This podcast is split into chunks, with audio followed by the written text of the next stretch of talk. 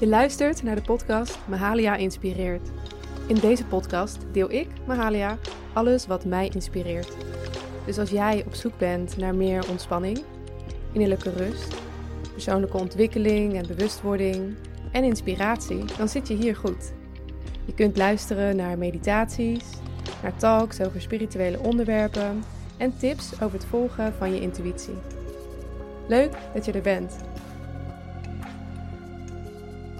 In deze podcast, in deze allereerste podcast, wil ik gebruik maken van het moment om mijzelf meer voor te stellen, wie ik ben, waarom ik doe wat ik doe en hoe mijn weg is geweest en nog steeds is uh, richting innerlijke rust en ontspanning. Ik wil in eerste instantie graag gebruik maken van dit moment om jou als luisteraar te bedanken.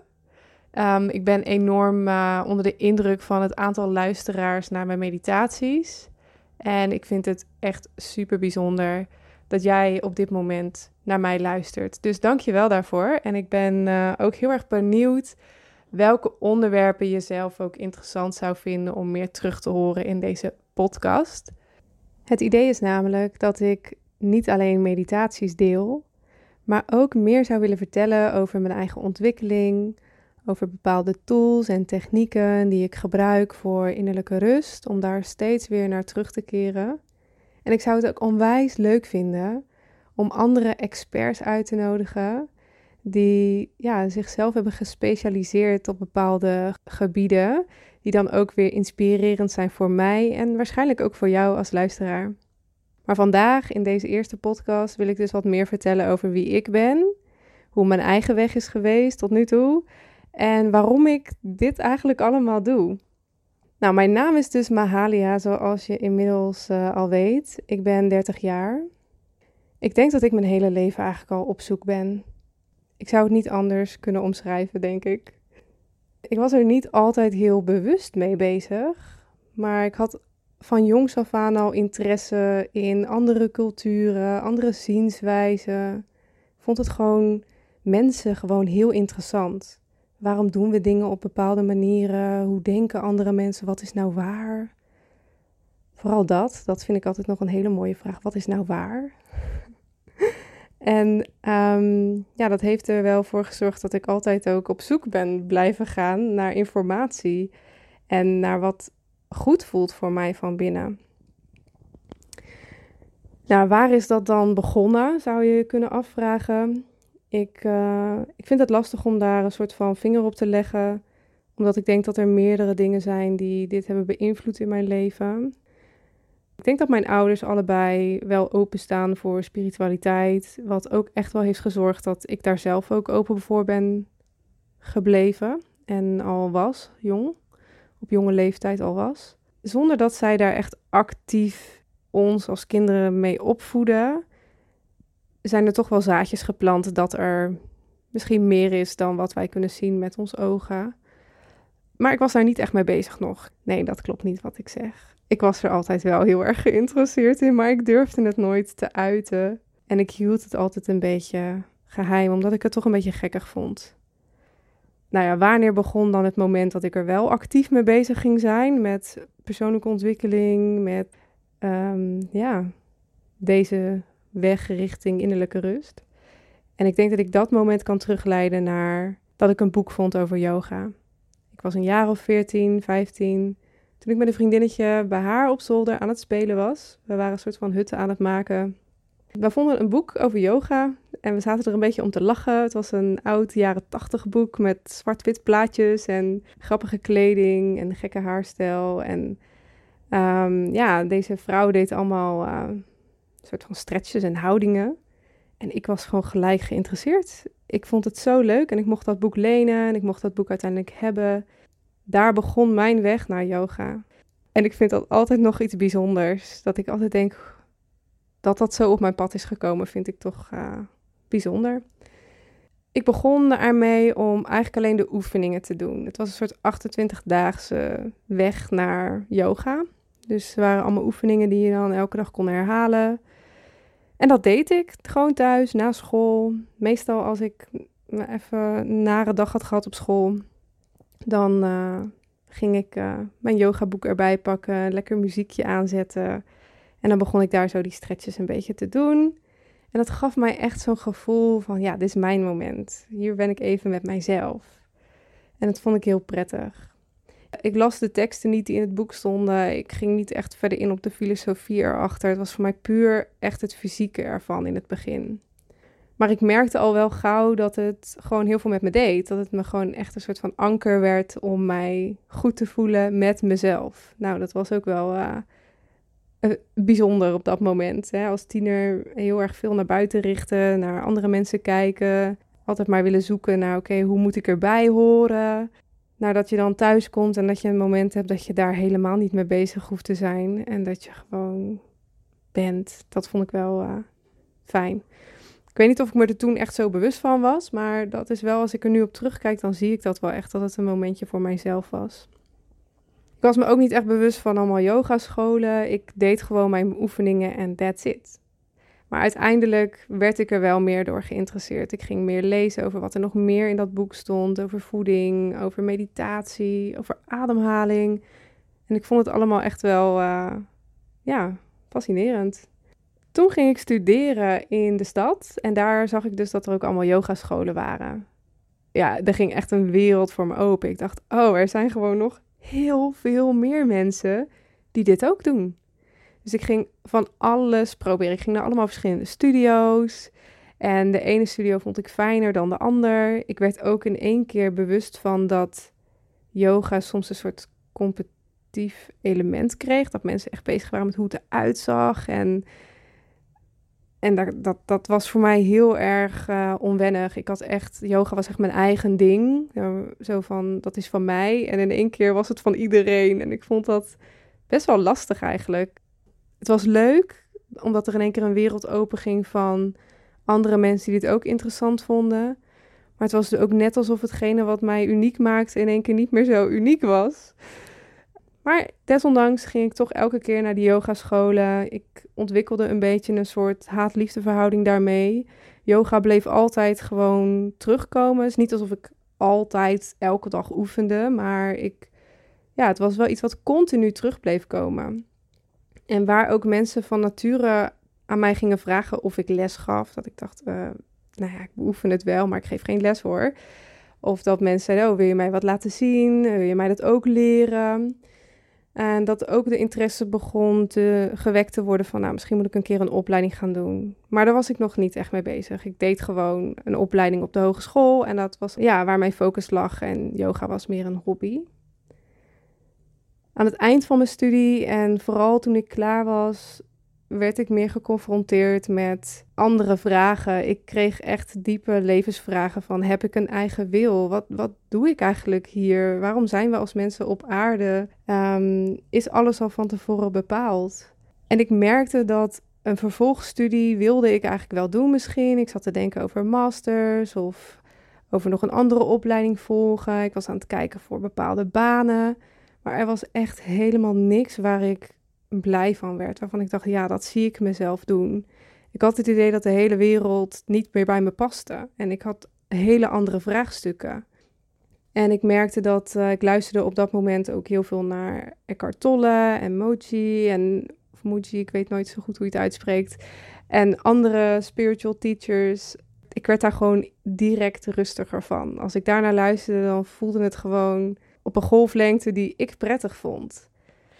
En op een gegeven moment ehm, ja, werd ik uh, geattendeerd op familieopstellingen door de moeder van een ex-vriend van mij.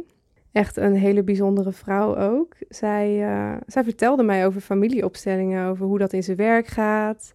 En hoe je door middel van familieopstellingen patronen in jezelf aan het licht kan brengen. En patronen in je familiesysteem aan het licht kan brengen.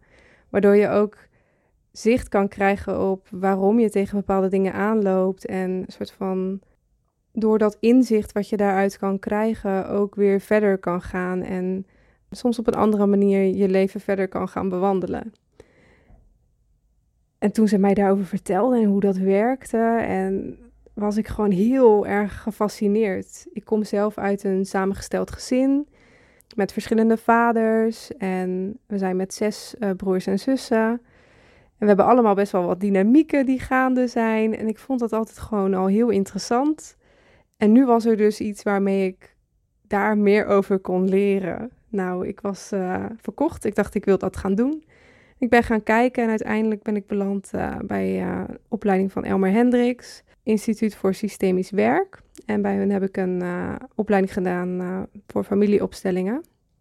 Dat was, ik denk wel eens, een van de meest verrijkende opleidingen die ik ooit heb gedaan.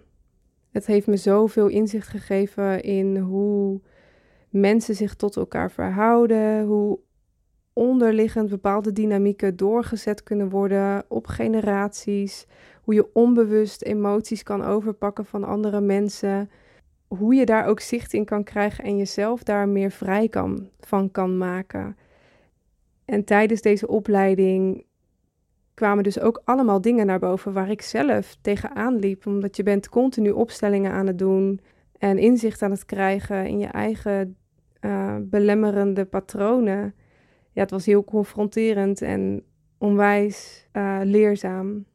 En enorm, ja, enorm verrijkende ervaring. In de opleiding leer je ook hoe je zelf opstellingen kan begeleiden. Ja, dat vond ik ook super mooi om te doen.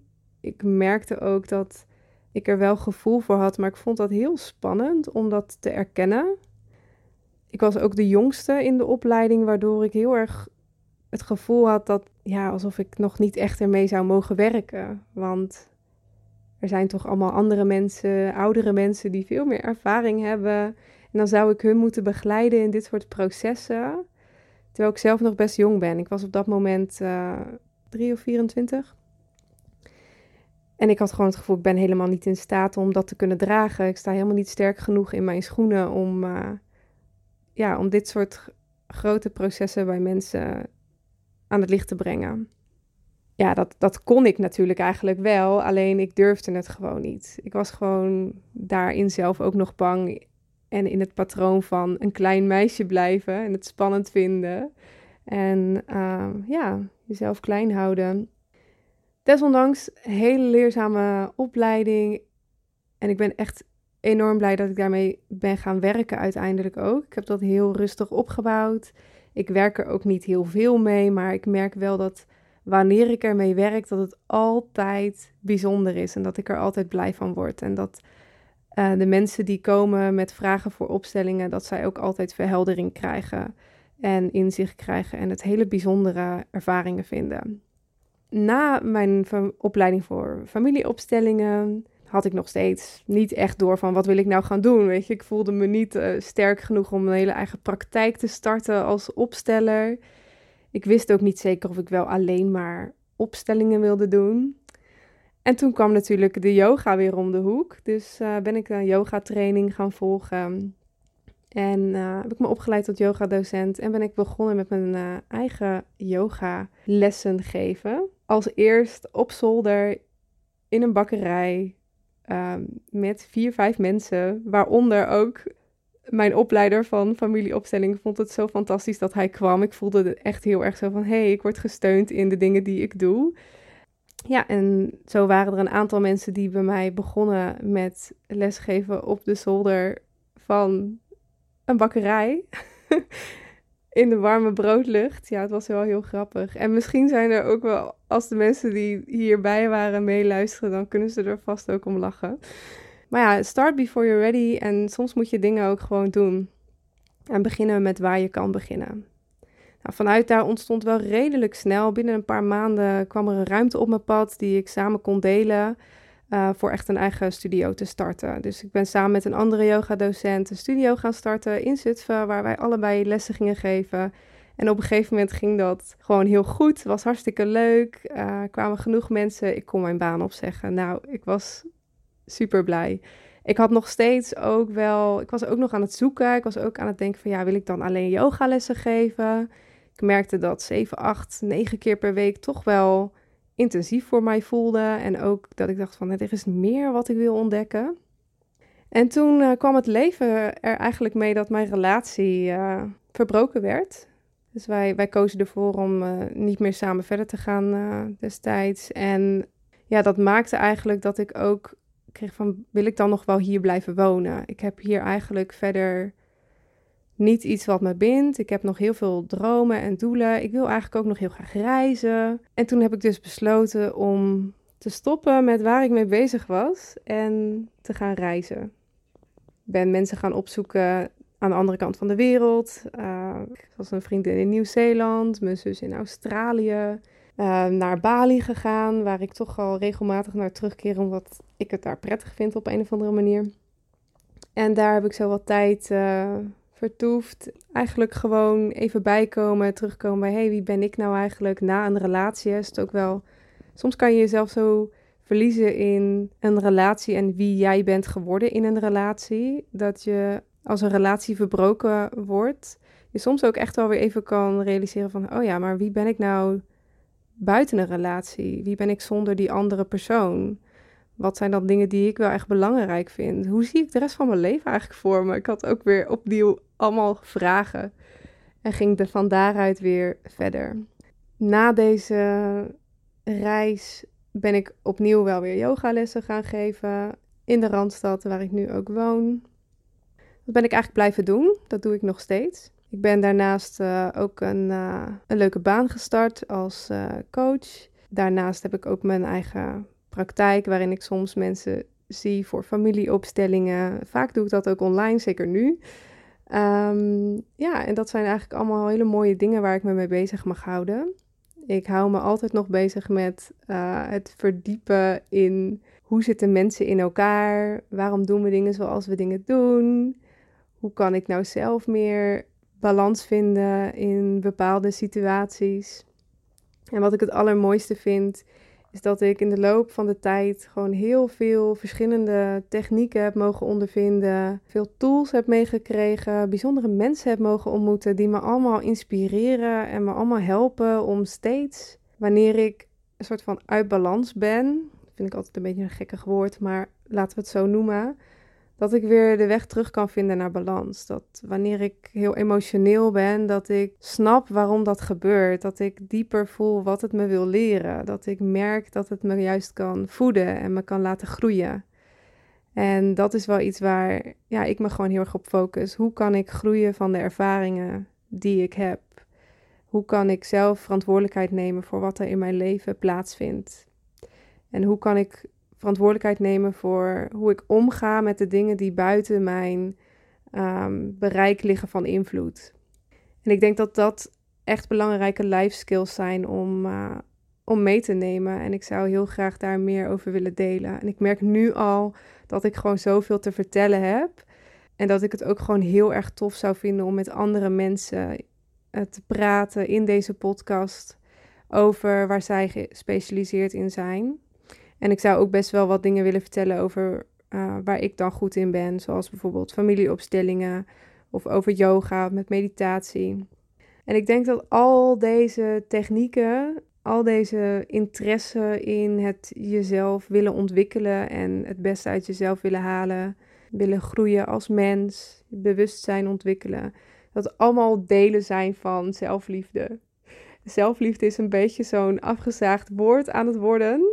Maar um, ja, voor mij betekent zelfliefde echt dat je die verantwoordelijkheid pakt voor je eigen proces. Voor wat er in jou geraakt wordt, voor hoe je daarmee omgaat. Ja, en dat je dus ook de verantwoordelijkheid voelt om goed voor jezelf te zorgen. Ook wanneer de wereld soms uh, vervelend tegen je is, nu, of dat het misschien is geweest in het verleden, hè, dat je trauma's hebt opgelopen. Dat ook dan jouw verantwoordelijkheid is om te gaan kijken hoe kan ik in mijn lijf, in mijn emoties, in mijn hoofd ervoor zorgen dat ik er het beste uithaal wat daaruit te halen valt. En dat is uh, wel een confronterend proces. En ik vind dat juist iets heel moois. Nou, de reden waarom ik dit allemaal doe en waarom ik dit ook allemaal wil delen, is omdat ik het zo mooi vind om anderen te begeleiden in dit proces zelf of om mensen handvatten aan te reiken, waardoor zij dit proces ook kunnen aangaan en um, ja, zich vrijer kunnen voelen, vollediger tot uiting kunnen komen. En ik denk dat we gewoon veel meer kunnen en tot veel meer in staat zijn dan dat we denken. En dat vind ik een enorm mooi iets om te ontvouwen. En ik zou het heel erg leuk vinden om jou hiermee ook te inspireren, of door wat ik zelf doe, of door de mensen die ik ga interviewen. Ik heb zelf natuurlijk heel veel technieken ook geprobeerd en gedaan die mij echt hebben geholpen om meer ja, innerlijke rust te ervaren. En deze technieken heb ik ook gedeeld met anderen door middel van mijn zelfliefdecursus. Het is een audiocursus met allemaal uh, van dit soort oefeningen die uh, helpen om te reflecteren op jezelf, op je eigen innerlijke ontwikkeling, op je emoties, op je lijf. En um, ja, als je daarin geïnteresseerd bent om al wat dingen te kunnen gaan doen, die best wel effect kunnen hebben. Ik heb echt wel veel mensen gehoord die aangegeven hebben van, nou, dit was echt wel life-changing voor mij. Of hele mooie inzichten uit kunnen halen. En als je dat ook zou willen, dan kun je mijn audiocursus volgen over zelfliefde. Die staat op mijn uh, website onlineontspannen.nl. En ik zal natuurlijk ook een linkje zetten hieronder in de show notes daarover. Um, ja, dus als je daartoe voelt aangetrokken en je wilt daarin begeleid worden door mijn stem, dan uh, voel je je welkom. Ik ben ook heel erg benieuwd wat voor onderwerpen jij graag terug zou willen horen in deze podcast. En als ik er dan ook echt enthousiast over ben, zou ik het super leuk vinden om deze ook uh, in de podcast terug te brengen. Zodat wat ik kon brengen ook echt ontvangen wil worden door jullie. Dat vind ik wel belangrijk. Um, dus ja, als je ideeën hebt of als je vragen hebt, voel je vooral vrij om me ook gewoon te berichten. Dankjewel voor het luisteren. En ik wens je een hele fijne dag, avond, ochtend of waar je nu ook bent.